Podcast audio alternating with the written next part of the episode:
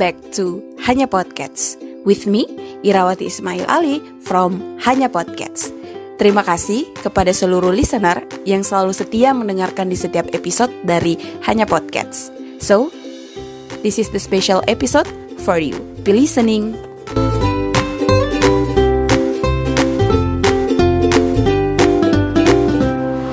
Assalamualaikum warahmatullahi wabarakatuh. Hai, selamat pagi, selamat siang, selamat sore, dan selamat malam. Kapan pun kalian mendengarkan Hanya Podcast. So, welcome back to Hanya Podcast. This episode special for join to the pilot project hashtag 30 hari bersuara.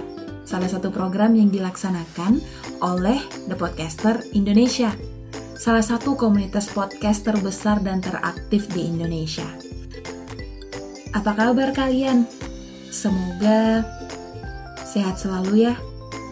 Iya, harus sehat dong. Supaya kita bisa menyambut tahun yang baru dengan jiwa yang bersemangat dan bisa membuat hal yang lebih baik. So, hari ini, pada episode kali ini, kita akan membahas sebuah hal yang sangat viral ketika akan menghadapi pergantian tahun baru, atau ketika sedang ada di akhir tahun atau di awal tahun. Apa itu? Yes, kita akan membahas tentang resolusi. So, gimana pembahasannya?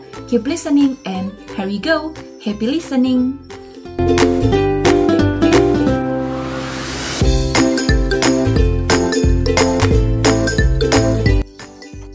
Kata resolusi sering kali muncul pada awal tahun baru atau akhir tahun baru. Kata ini digunakan sebagian besar orang untuk mencapai mimpi di tahun baru. Lalu pertanyaannya, apa sebenarnya arti dari resolusi itu sendiri? Jadi, makna resolusi ini terdiri atas beberapa makna sebenarnya. Di antaranya, ada yang mengartikan bahwa resolusi itu sebagai putusan atau kebulatan pendapat beberapa permintaan atau tuntutan yang ditetapkan oleh rapat seperti musyawarah, sidang, Bentuknya seperti apa? Bisa dalam bentuk pernyataan tertulis, biasanya juga berisi tuntutan uh, tentang suatu hal. Ini jika kita merujuk uh, Kamus Besar Bahasa Indonesia. Namun, pada dasarnya saat ini kata resolusi itu memiliki perluasan makna. Jadi, makna dari resolusi itu bisa berarti harapan, yang sungguh-sungguh dari pribadi seseorang. Dalam konteks dunia digital, makna resolusi ini juga uh, berbeda lagi. Dikutip dari uh, Kamus Besar Bahasa Indonesia bahwa resolusi itu bisa diartikan memberikan deskripsi tentang banyaknya detail gambar yang tersimpan. Anak-anak editing pasti tahu lah ya maksudnya seperti apa. Resolusi gambar bisa juga digunakan untuk mendefinisikan tentang gambar digital, video, maupun uh, yang lain-lainnya. Nah, resolusi gambar dalam dunia digital juga dapat diukur dengan berbagai macam. Pada dasarnya, ya, resolusi itu mengukur seberapa dekatnya satu garis dapat dibedakan dengan garis yang lainnya. Nah, sebenarnya secara makna itu kali ya kalau kita bicara mengenai resolusi. Nah, problemnya biasanya nih di akhir tahun atau di awal tahun kita membuat sebuah uh, resolusi. Kita write down our resolutions.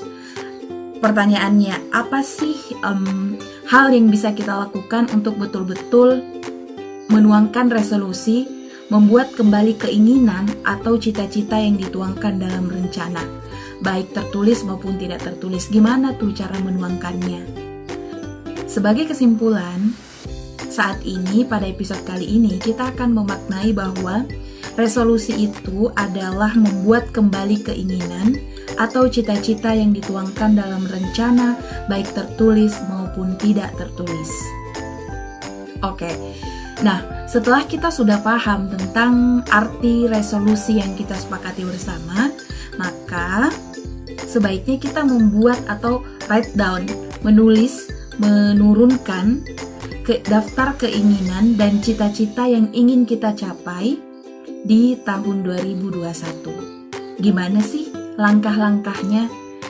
Nah, agar resolusi tidak sekedar menjadi resolusi semata, semangatnya hanya di awal-awal tahun, ketika pertengahan menuju akhir tahun sudah kendor, bahkan sudah lupa apa resolusinya di awal tahun kemarin, maka ada beberapa langkah yang mungkin akan saya bahas pada episode kali ini. Langkah-langkah write down your resolution. Yang pertama, buatlah daftar keinginan atau cita-cita kalian. Uh, personally kalau saya membuat dua daftar. Resolusi untuk uh, ibadah atau kepentingan akhirat ibadah langsung kepada Allah.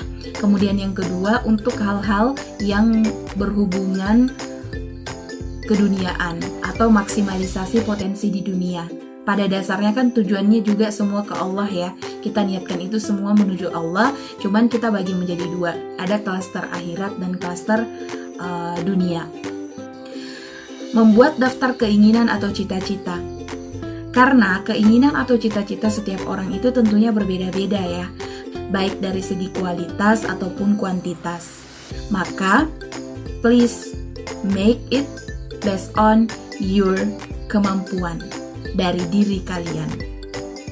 Lebih baik, ini sangat dianjurkan ya, dibuat secara visual atau tertulis.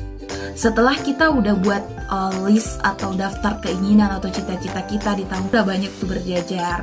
Uh, saya ingin seperti ini, saya ingin seperti ini, saya ingin seperti ini, saya ingin seperti ini, saya ingin seperti ini. Nah, untuk membuat keinginan itu menjadi nyata, maka langkah yang kedua yang harus kita lakukan adalah take action. Lakukan tindakan terkait cara apa saja yang akan kamu gunakan untuk mencapai keinginan yang kalian telah tuliskan. Ingat bahwa daftar keinginan atau cita-cita tahunan itu sebenarnya kan e, jangka pendek ya. Jadi ia berupa program yang kemudian diturunkan dari makna dasar dari tujuan hidup kita yang sebenarnya apa. Hingga turunlah di setiap resolusi-resolusi di e, setiap tahunnya. Yang kedua take action. Ya, emang kita harus doing. Kalau cuman ingin, gimana keinginan itu bisa jadi kenyataan kalau kita tidak take action? So, after you plan, please take action. Yang ketiga, evaluasi bulanan. Ini penting dan ini banyak sering dilupakan. Evaluasi bulanan kita gunakan untuk mengukur. Jadi, kalau bisa, kita tahu sejauh mana pencapaian yang sudah kita dapatkan.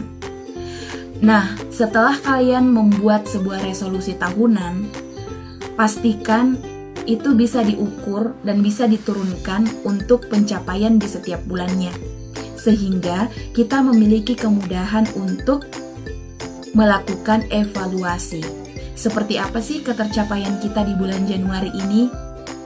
Nah, hasil dari sebuah evaluasi adalah improvement jadi ketika kita mengetahui kekurangan kita apa, kita bisa memperbaikinya untuk bulan ke depannya.